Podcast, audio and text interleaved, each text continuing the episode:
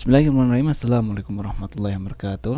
Alhamdulillah Alhamdulillahirrahmanirrahim Wassalatu wassalamu ala rasulillah membadu Sahabat kawan di mana pun anda berada Alhamdulillah di kesempatan hari ini kita hadir kembali Menyapa sahabat kawan semuanya dalam program Makon Majelis Tanya Jawab Seputar hukum-hukum keislaman Bersama narasumber kita yaitu Syekh Abdul Qadir Abdul Muish Yang pada kesempatan hari ini sudah hadir di studio. Dan juga mutajim kita ada Ustadz Mujib Yang mana pada kesempatan hari ini akan menemani kita untuk pembahasan berkaitan dengan tata cara beribadah ketika kita sedang sakit ringan seperti demam dengan kondisi lemas. Nah, bagaimana hukumnya? Nah, seperti apa penyelesaiannya? Kita simak kelanjutan pertanyaan makon kali ini dan kita persilakan kepada Ustadz Mujib untuk memulai materinya. Tafadhol. بسم الله الرحمن الرحيم السلام عليكم ورحمة الله وبركاته الحمد لله الحمد لله الذي أرسل رسوله بالهدى ودين الحق ليظهره على الدين كله وكفى بالله شهيدا أشهد أن لا إله إلا الله وحده لا شريك له أحمده سبحانه وتعالى لا نعبد غيره وأشهد أن محمدا عبده ورسوله. فقد أرسله الله بشيرا ونذيرا بين يدي الساعة وسراجا منيرا. فقد أدى الأمانة ونصح الأمة وبلغ الرساله وجاهد في الله حق جهاده. اللهم صل وسلم وبارك على حبيبك ورسولك سيدنا المصطفى محمد وعلى آله وأصحابه أجمعين. صلاة وسلاما كاملين دائمين إلى يوم الدين إلى يوم النشور. Para pendengar Radio Ishkarimas sekalian yang berbahagia, sahabat Al-Quran di mana pun Anda berada. Kembali bersama kami dalam Majelis Taqwan bersama dengan Syekh Abdul Qadir Abdul Aziz sebagai narasumber dan saya Abdul Mujib Johar sebagai penerjemah. Masih melanjutkan pembahasan yang sebelumnya yaitu tentang tata cara sholat orang yang sedang dalam sakit, ya, dalam hal ini sakit ringan. فما زلنا نتكلم في الموضوع السابق يعني عن كيفية كيفية الصلاة لمن يعاني المرض الخفيف وأصابه الضعف في الجسد نعم جزاكم الله خيرا. بسم الله السلام عليكم ورحمة الله وبركاته. وعليكم السلام ورحمة الله. بسم الله الرحمن الرحيم. الحمد لله رب العالمين. والصلاة والسلام على أشرف الخلق وأطهرهم وأزكاهم محمد بن عبد الله صلى الله عليه وسلم ما شاء الله. الرحمة المهداة والنعمة المسداة والسراج المنير البشير النذير. اللهم أحينا على سنته وأمتنا على ملته وارزقنا شفاعته وأرفقنا صحبته في الفردوس الأعلى ومتعنا بلذة النظر إلى وجهك الكريم. اللهم آمين يا رب العالمين. اللهم سلمني وسلم مني. اللهم سلمني وسلم مني. اللهم سلمني وسلم مني. أما بعد.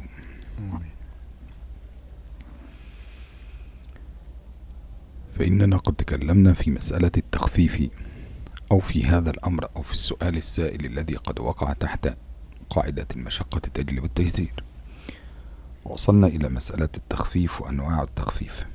وقلنا أن هناك تخفيف وهو تخفيف التقديم أي تقديم العبادة عن وقتها وذلك لحاجة الناس إليها.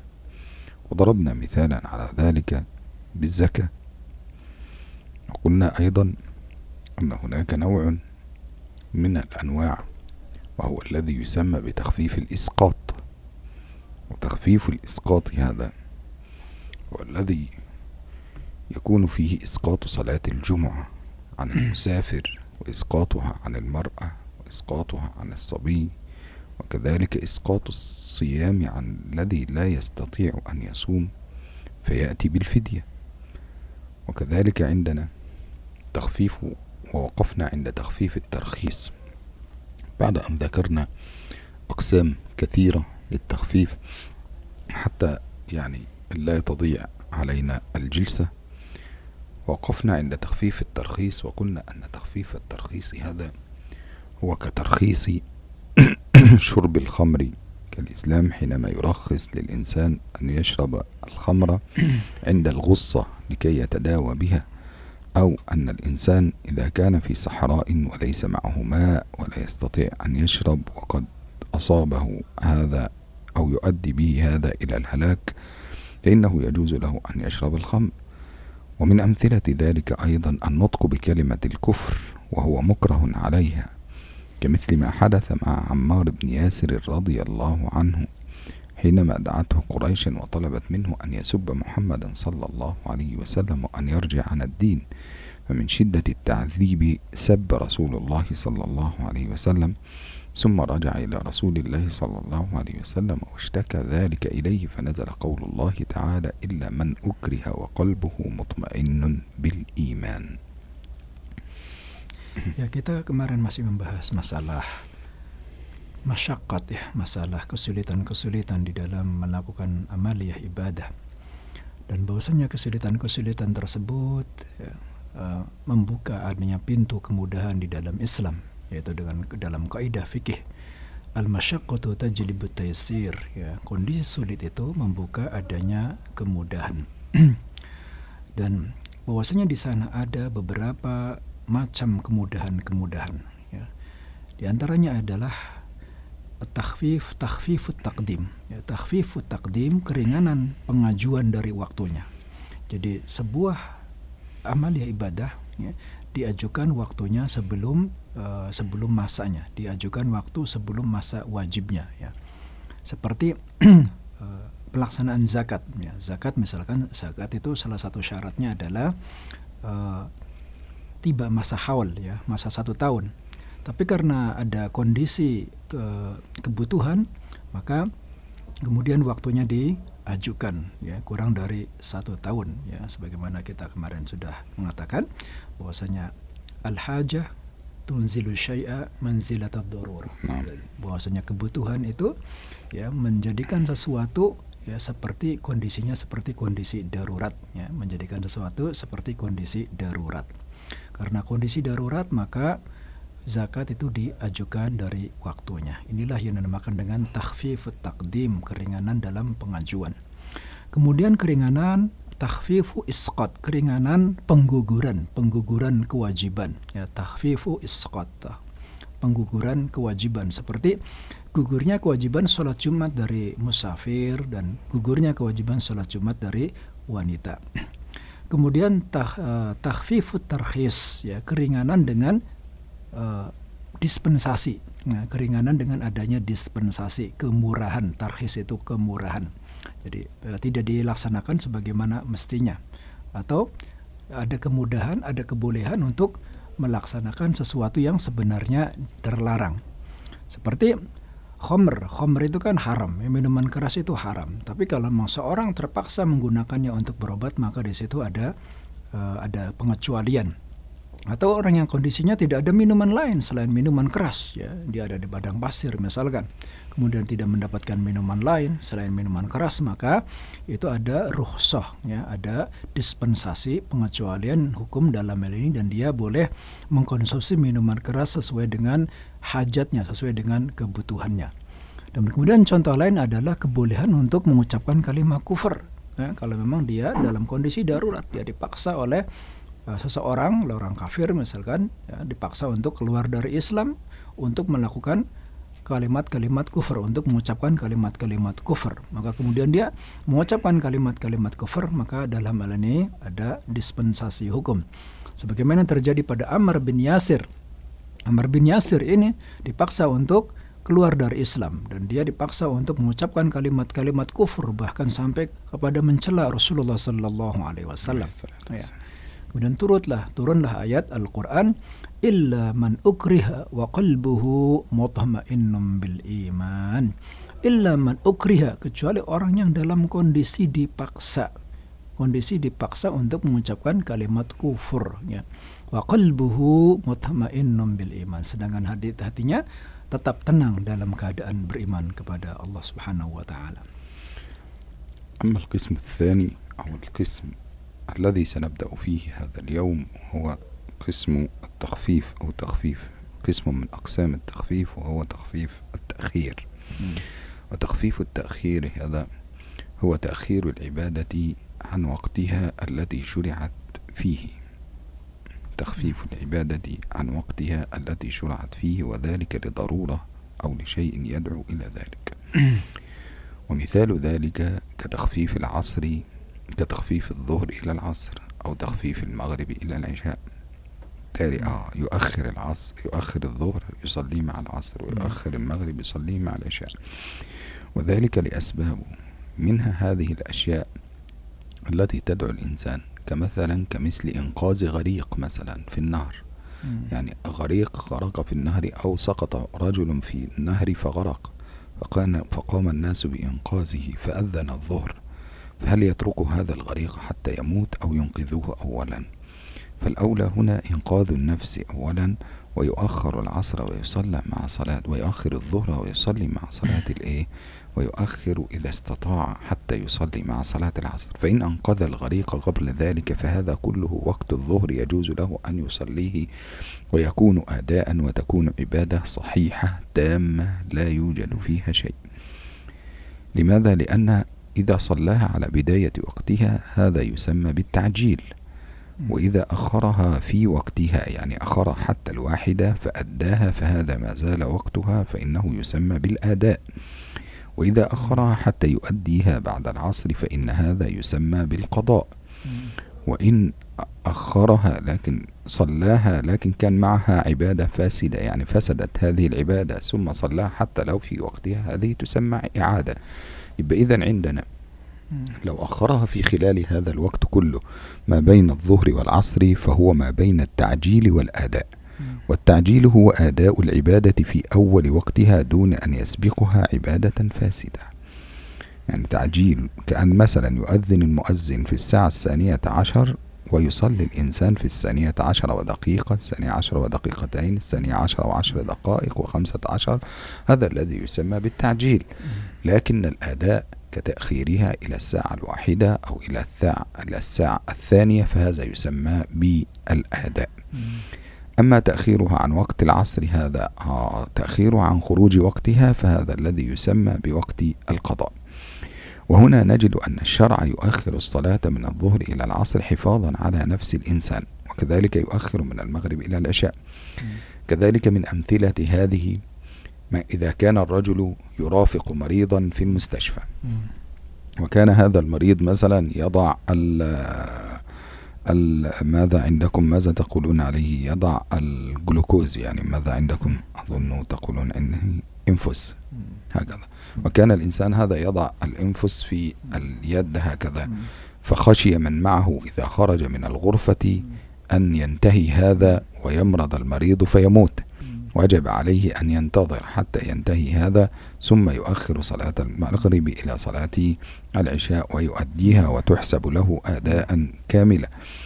إذا كان الإنسان معه مريضا سيشرف على الهلاك وخاف لو تركه في هذا الوقت فإنه سيموت. فبالتالي وجب عليه أن ينتظر بجواره حتى ينتهي هذا الأمر ثم بعد ذلك يذهب ويجمع بين صلاة المغرب والعشاء ويؤخر المغرب إلى العشاء. كذلك الطبيب الجريح. يعني كذلك الطبيب إذا كان في جراحة وأمامه جريح ويحتاج إلى جراحة ضرورية. ثم دخل وقت الصلاة في وقت الجراحة. فلا يقطع هذا. لا يقطع هذا كله. ولكنه يكمل جراحته حتى ينتهي من الجراحة ويؤخر صلاته حتى ينتهي من هذه الجراحة. ثم بعد ذلك يخرج ويجمع بين الصلاتين وذلك كله حفاظا على نفس الإنسان من الهلاك Kemudian adalah takhfif takhir. Takhfif takhir adalah keringanan di dalam amalah ibadah dengan menundanya dari waktu yang disyariatkannya ya dari waktu yang ditentukan ditentukan sesuai dengan ketentuan syariat ya seperti mengakhirkan sholat maghrib ke sholat isya dan sholat mengakhirkan sholat zuhur ke sholat asar ya karena kondisi kebutuhan kondisi darurat misalkan gini ada orang yang tenggelam ya ada orang yang tenggelam kemudian dia uh, harus segera ditolong tidak bisa ditunda-tunda maka kemudian orang uh, tersebut menolongnya, mencarinya, seandainya terhanyut terbawa air, ya, mencari dan uh, terus ya mencarinya, menolongnya sampai sampai berhasil, sampai selamat. Ya. Apabila dia bisa menolong orang tersebut, ya, kemudian uh, belum masuk waktu asar misalkan, misalkan dia sholatnya jam 2 misalkan, maka dia bisa melaksanakan sholat zuhur sebagaimana mestinya ya sebagaimana mestinya dan inilah yang dinamakan dengan al-ada dengan dengan ada karena melaksanakan sholat tepat pada waktunya ya disegerakan itu namanya ta'jil. Ta'jil itu artinya disegerakan. Seperti seorang muazin yang azan untuk sholat zuhur jam 12 pas kemudian dia sholat zuhur pada jam 12 lewat 5 menit ya maka inilah yang dinamakan dengan ta'jil ya penyegeraan Sedangkan seorang yang mengerjakannya pada jam 1 atau jam 2 ya yang penting belum masuk waktu asar lah ya. Ini dinamakan dengan al-ada. Sedangkan seorang yang mengerjakannya ketika masuk waktu asar maka ini dinamakan al-qadha ya. Demikian. Apabila dia selesai menyelamatkan orang tersebut sebelum waktu masuk uh, sebelum masuk waktu asar maka dia bisa mengerjakan sholat zuhur dan tidak ada masalah sama sekali. Tapi kemudian apabila waktunya lewat masuk waktu asar ya karena dia harus menyelamatkan orang tersebut maka dia bisa menggabungkannya dengan sholat asar ya. Demikian juga orang yang misalkan menemani orang yang sakit ya dan dia tidak bisa meninggalkan orang tersebut karena memang dia perlu penema, perlu pengawasan ya perlu pelayanan orang sakitnya tersebut perlu pelayanan khusus seperti terpasang infus, ya kan? kalau seandainya ditinggalkan nanti infusnya bisa habis dan ini bisa membahayakan jiwanya. Maka dia tidak boleh meninggalkan orang ter sakit tersebut dan dia bisa menunda sholatnya, sholat zuhurnya ke sholat asar atau sholat maghribnya ke sholat isya ya demi menyelamatkan jiwa si orang yang sakit tersebut. Demikian juga seorang dokter. Misalkan seorang dokter dia harus mengoperasi seseorang ya saat itu juga karena kondisinya darurat maka dia tidak boleh ya menunda operasi orang tersebut kemudian melaksanakan sholat. Yang harus diutamakan adalah yang harus diawalkan, didahulukan adalah dia memprioritaskan waktunya untuk mengoperasi orang tersebut, menyelamatkan orang tersebut. Kemudian setelah selesai operasi, baru dia melaksanakan sholat. Apabila waktunya telah lewat, ya misalkan dia waktu zuhurnya sudah lewat, ya maka dia bisa menggabungkannya dengan sholat asar. Demikian juga apabila dia mengoperasikannya malam misalkan setelah asar kemudian habis maghrib masuk waktu maghrib ya operasi tersebut belum selesai. Dia harus melanjutkan operasinya. Kemudian operasi selesai setelah uh, masuk waktu isya ya maka dia bisa menggabungkan sholat maghribnya dengan sholat isya. Demikianlah ya ketentuan syariat Islam ya demi menyelamatkan jiwa seseorang. أما التخفيف الذي يلي ذلك مباشرة هو الذي يسمى بتخفيف التغيير. تخفيف التغيير. وتخفيف التغيير هو تبديل الشيء من حالة إلى حالة أو تبديل العبادة من حالة كانت عليها إلى حالة أخرى كانت عليها. ومثال ذلك الصلاة في السفر الطويل. إذا كان الإنسان يستقل القطار مثلا. الإنسان سيستقل القطار لمدة خمسة عشر ساعة أو أربعة عشر ساعة أو هكذا. وبالتالي في خلال الأربعة عشر ساعة إذا ركب القطار من الساعة السابعة صباحا فإنه سيكون عليه صلاة الظهر والعصر والمغرب والعشاء في القطار. فكيف يصلي هذا الرجل؟ إذا لم يوجد لم يوجد مكان للصلاة أصلا. يعني كيف يصلي؟ تتغير هنا حالة الصلاة. لا يشترط له أن يستقبل القبلة فأي اتجاه بالنسبة إليه يكون قبلة. يعني اتجاه القطار الذي يمشي فيه هذا هو قبلته. كذلك مثال ذلك الذي يركب البحر فلا يحتاج إلى قبلة فإنه يصلي في الاتجاه الذي إيه؟ أي اتجاه يتجه إليه أو الاتجاه الذي تمشي فيه السفينة. كذلك اتجاه الطائرة فإنه يتجه ولا يحتاج إلى اتجاه القبلة. وبالتالي فإن الإنسان في هذه الحالة ليس مطالبا باستقبال القبلة فتغير حال الصلاة. بإذن أول شيء تبدل الحال. من أول شيء استقبال القبلة هو يريد أن يستقبل القبلة لأن استقبال القبلة هذا شرط في صحة الصلاة. يعني شرط في صحة الصلاة. فإذا لم يستقبل الإنسان القبلة بطلت صلاته. وهنا في هذه الحالة لأنه تعذر لأنه يتعذر معرفة اتجاه القبلة. مع تحرك القطار ومع تحرك السيارة لأنها ممكن تتحرك يمينا تتحرك يسارا ستميل يمينا ستميل يسارا وبالتالي أو الطائرة أو السفينة. وبالتالي فإنه لا يستطيع أن يظل متجها إلى القبلة. فهو يبدأ أولا ويعرف يعني أي اتجاه أقرب اتجاه بالنسبة إليه يظن أنه متجها إلى القبلة فيصلي إليه ويتوكل على الله. إذن هنا تغير أول شيء في الصلاة. كذلك من الأشياء أو من الأمثلة على ذلك صلاة الخوف. آه إذا كنت وإذا كنت فيهم فأقمت لهم الصلاة فلتقم طائفة منهم معك وليأخذوا أسلحتهم فإذا سجدوا فليكونوا من ورائكم ولتأتي طائفة أخرى يصلوا فليصلوا. وليأخذوا حذرهم وأسلحة ود الذين كفروا. لو تغفلون عن أسلحتكم. هكذا. وبالتالي وأنت تنظر إلى هذا الشيء فتجد أن صلاة الخوف تختلف جماعة عن صلاة على الصلاة العادية. وبالتالي فإنه مجموعة تسجد مع الإمام وتظل المجموعة التي خلفها تقف حتى آه، وتحمل السلاح وتأخذ حذرها حتى لا يأتي العدو. ثم إذا قام الإمام قام معه الصف الأول. تسجد المجموعة تصلي المجموعة الأخيرة الركعة الثانية. هكذا وتظل الصلاة بهذه الطريقة حتى تنتهي الصلاة أو صلاة الخوف.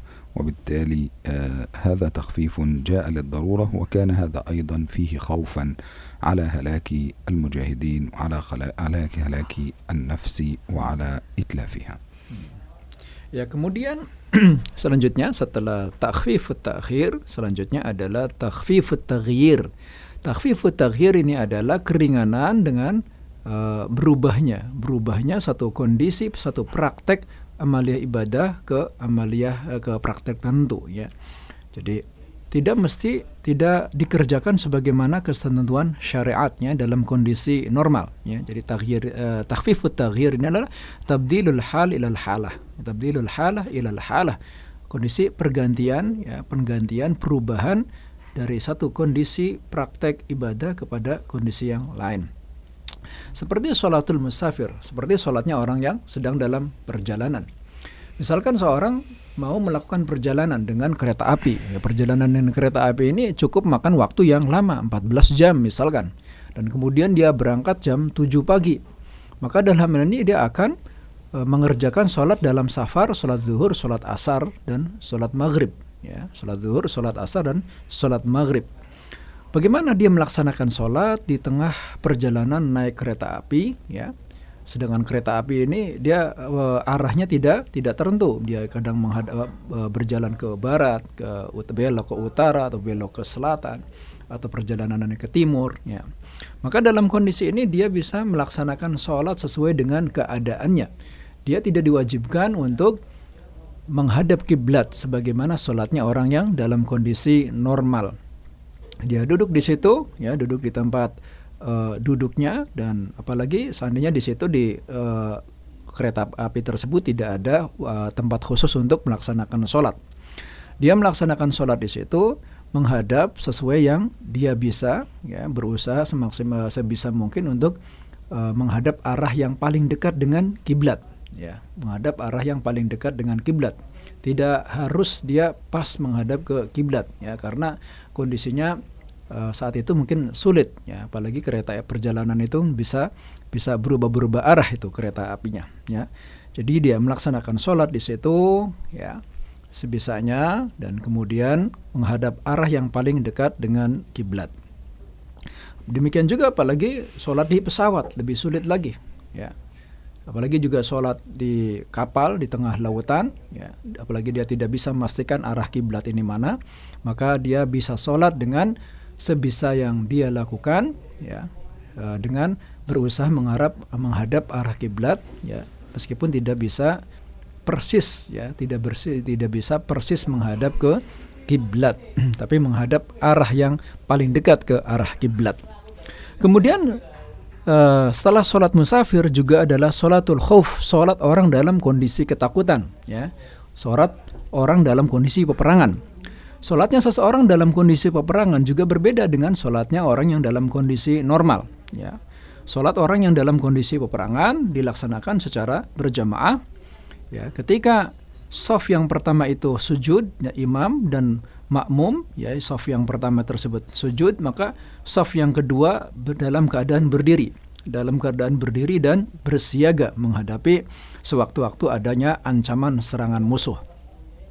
Kemudian ketika imam dan soft pertama tersebut sudah berdiri, maka soft yang belakang sujud ya. Saf yang belakang sujud karena dia tadi belum sempat sujud. Kemudian saf yang depan saf uh, saf uh, saf yang paling depan dan imam tetap berdiri dalam keadaan waspada. Kemudian saf yang kedua tersebut sujud dan kemudian dia berdiri lagi ya. Demikian ya. Demikianlah uh, selanjutnya. Ya jadi demikianlah ya beberapa kondisi perubahan ya ke dalam kondisi perubahan dari satu keadaan ke keadaan ke keadaan lain karena adanya kebutuhan yang mendesak. Inilah yang dinamakan dengan takhfifut taghyir ya. Kemurahan, kemudahan dengan cara merubah praktek amaliyah ibadah. ويأتي بعد ذلك نوع آخر وهو تخفيف التخيير هكذا بالخاء والتخيير هو أن يكون الإنسان مخيرا بين فعل أشياء معينة في عبادات معينة. ومثال ذلك في كفارة اليمين. فنجد أن الله عز وجل يخيره بين إطعام عشرة مساكين من أوسط ما تطعمون أهليكم أو كسوتهم أو تحرير رقبة. فمن لم يجد فصيام ثلاثة أيام. يبقى إذن هو مخير بين ثلاثة أشياء. يخيره هذا من التخفيف. لأنه قال يطعم ممكن لا يكون معه ثمن الإطعام. لو قال الكسوة ممكن لا يكون معه ثمن الكسوة. لو قال التحرير الرقبة فقط فلا يكون معه الثمن فيكون دخل في عسر شديد ولا يستطيع عليه. ولكن خيره بين ثلاث. وهذه الثلاثة عند العلماء واجب على التخيير. يعني الإنسان واجب على التخيير يعني يفعل أي شيء فيها باختياره. ولا يذهب إلى الصيام ولا يذهب إلى الصيام بعد أن يكون عاجزا عن أداء هذه الأشياء. لأن القرآن يقول فمن لم يجد فصيامه. إذا وضع هذه الثلاثة مكررة أو وضع هذه الثلاثة معطوفة على بعضها ثم قال بعد ذلك وضع شرطا لمن لم يجد أن يصوم ثلاثة أيام ذلك كفارة أيمانكم إذا حلفتم واحفظوا أيمانكم.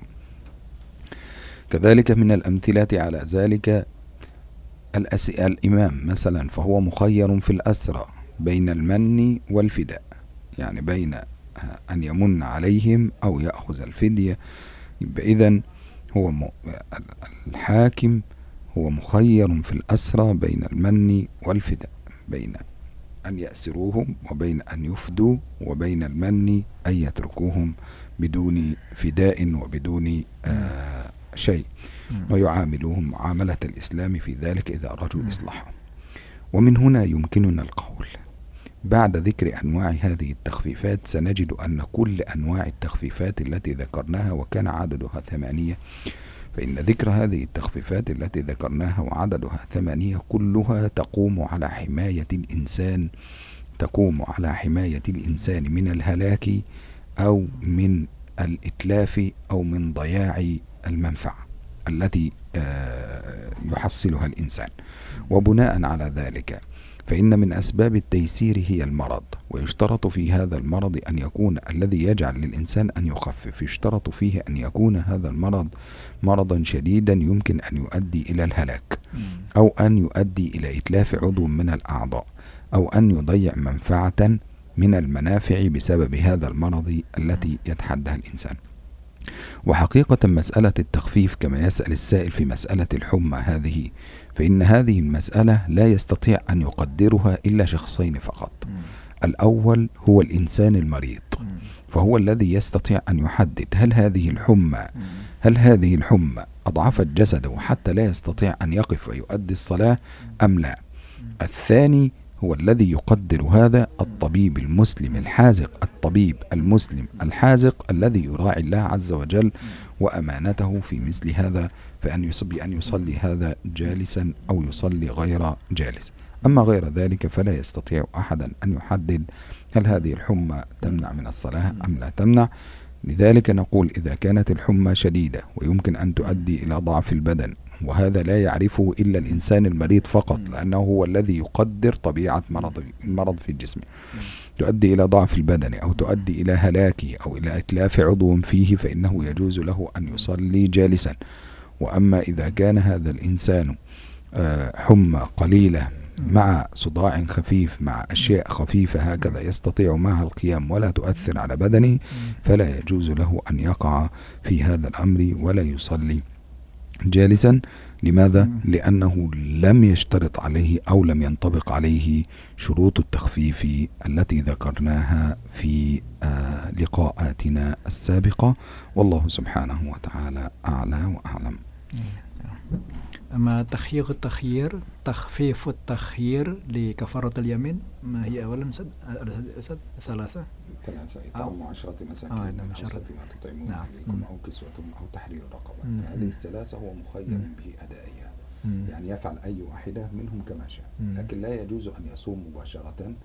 إلا بعد. أن يتعذر عليه فعل هذه. الأشياء مم. تعذر عليه فعل هذا انتقل إلى الصيام إطعام عشرة مساكين أو كسوتهم أو آه. تحرير أو رقبة تحرير رقبة فمن لم يجد فصيام نعم عشرة أيام Eh, salah satu ayam, eh, salah satu ayam. Hmm.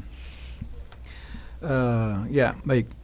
Kemudian yang terakhir adalah takhfifut takhir. Takhfifut takhir ini adalah keringanan dengan diberikannya pilihan-pilihan ya, pilihan-pilihan yang sesuai dengan kondisi dan kemampuannya. Seperti dalam uh, kafaratul yamin, ya, kafarah sumpah, nah, kafaroh, ya, kafarot orang yang melakukan sumpah. Bagaimana kafaratnya ini?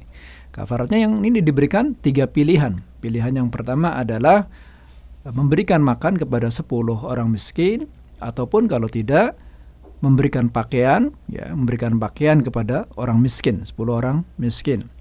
Kemudian kalau dia tidak bisa ya membebaskan seorang budak. Kalau juga tidak bisa maka berpuasa ya berpuasa tiga hari. Dia tidak boleh berpuasa secara langsung ketika itu juga sebulan kecuali kalau dia yang betul-betul tidak bisa mampu tidak mampu untuk memberikan makan kepada 10 orang miskin dengan makanan yang sesuai dengan standar apa yang dia makan ya sesuai apa yang dia makan Misalkan dia makan sekali makan nilainya 20 ribu, maka dia memberikan makan kepada 10 orang miskin ini senilai per orang 20 ribu. Atau kalau tidak, dia memberikan pakaian kepada 10 orang miskin. Waki suatuhum kadzalika asyaratu masakin. Nah, kan, ya, atau kalau tidak bisa memberikan pakaian, memberikan memberikan makan atau memberikan pakaian 10 orang miskin. Kalau juga tidak mampu, kemudian membebaskan seorang budak. Ya. Kalau dia tidak mampu, barulah ya, barulah dia e, diberikan pilihan yang terakhir yaitu berpuasa selama tiga hari. Kemudian takhfifut takhir ini juga bagi imam. Ya. Imam boleh memberikan pilihan ya, kepada imam diberikan e, pilihan apa dia akan membebaskan tawanannya secara cuma-cuma saja tidak ada tebusan sama sekali atau dia akan menjebloskan tawanannya ke dalam penjara atau dia akan membebaskan tawanannya dengan tebusan-tebusan dengan nilai-nilai tertentu ya maka ini semua ya ini semua pilihan-pilihan ini semuanya adalah diberikan dalam apa? Dalam apa? Dalam rangka menjaga seseorang dari bahaya. Menjaga seseorang dari terjatuh ke dalam mara bahaya dan kematian ya. Maka kembali kepada uh, tahfif tahfif keringanan karena sebab itu orang itu sakit ya. Tahfif yang diberikan kepada orang yang sakit adalah ya jika orang tersebut dikhawatirkan jika melaksanakan ibadah sebagaimana dimestinya maka akan berakibat bahaya kepada dia. Karena dia sakitnya sakit yang sangat keras atau sangat berat sekali. Ya. Maka yang bisa mengetahui ya kalau dia melakukan ibadah tersebut secara normal akan membahayakan dirinya apa tidak yang paling tahu adalah dirinya sendiri yang merasakan ataupun dokter-dokter muslim yang soleh yang jujur yang bertakwa kepada Allah Subhanahu wa taala. Kalau dokter mengatakan ya merekomendasikan kamu sebaiknya sholatnya sambil duduk atau kamu sholatnya sebaiknya sambil tidur maka tidak ada masalah. Dia melaksanakan sholat sambil duduk sambil tidur. Karena dokter ini bisa mengetahui ya mengetahui kondisi si sakit ya sejauh mana parahnya, sejauh mana beratnya kondisi sakit. Ya, ketika dia mengetahui bahwasanya pasiennya ini uh, kondisi sakitnya cukup berat dan cukup parah sehingga kalau dia melaksanakan sholat dalam kondisi berdiri misalkan akan membahayakan jiwa dia. Kemudian dia merekomendasikan untuk melaksanakan sholat dengan duduk ataupun dengan berdiri maka ini tidak masalah. Atau dia yang merasakan sendiri ya. Dia ah, saya kalau sholat berdiri saya tidak kuat saya merasakan sakit sekali. Sakit yang tidak tertahankan ya. Maka dia khawatir terjadi apa-apa dalam dirinya maka boleh dia sholat sambil duduk. Kalau sambil duduk juga dia masih merasakan sakit yang tidak tertahankan maka dia boleh untuk melaksanakan sholat sambil uh, tiduran. Adapun kalau sakitnya sakit ringan dan dia uh, cukup yakin ya dia cukup yakin dia cukup percaya bahwasanya sakit yang tersebut tidak akan menghalanginya untuk melaksanakan sholat sebagaimana mestinya, maka hendaknya maka dalam hal ini tidak ada keringanan bagi dia. Ya, dan sekali lagi maka dalam hal ini tidak ada keringanan bagi dia. Ya, kalau dia yakin kalau seandainya dia melaksanakan sholat dalam kondisi normal yaitu dengan cara berdiri, maka tidak akan terjadi apa-apapun ya berupa mara bahaya terhadap dirinya dan jiwanya. Ya, demikianlah wallahu taala alam. Ya, semoga bermanfaat. Para pendengar Radio Sykarima, sahabat Al-Quran di mana pun Anda berada, ya demikianlah kajian kita pada hari ini. Ya mudah-mudahan bermanfaat dan saya ucapkan jazakumullah khairan atas perhatiannya. Mudah-mudahan kita masih bisa bertemu kembali dalam sesi yang berikutnya. Wassalamualaikum warahmatullahi wabarakatuh. Syukran jazakumullah khair kepada Ustaz Mujib dan juga Syekh Abdul Qadir Abdul Muiz yang pada kesempatan hari ini sudah menyelesaikan ya materi pertanyaan dari sahabat kawan semuanya yang mana pada pembahasan kali ini tentang tata cara beribadah ketika sedang sakit dan alhamdulillah sudah selesai dengan 8 sesi ya Masya Allah. Dan tentunya bagi sahabat kawan semuanya yang ingin mengirimkan pertanyaan berkaitan dengan hukum-hukum keislaman silakan saja anda bisa mengirimkannya melalui SMS maupun WhatsAppnya di nomor 081 229 untuk SMS dan juga WhatsAppnya dan akhirnya, saya Andi Ramadan pamit undur diri dan mendengar sahabat kawan semuanya.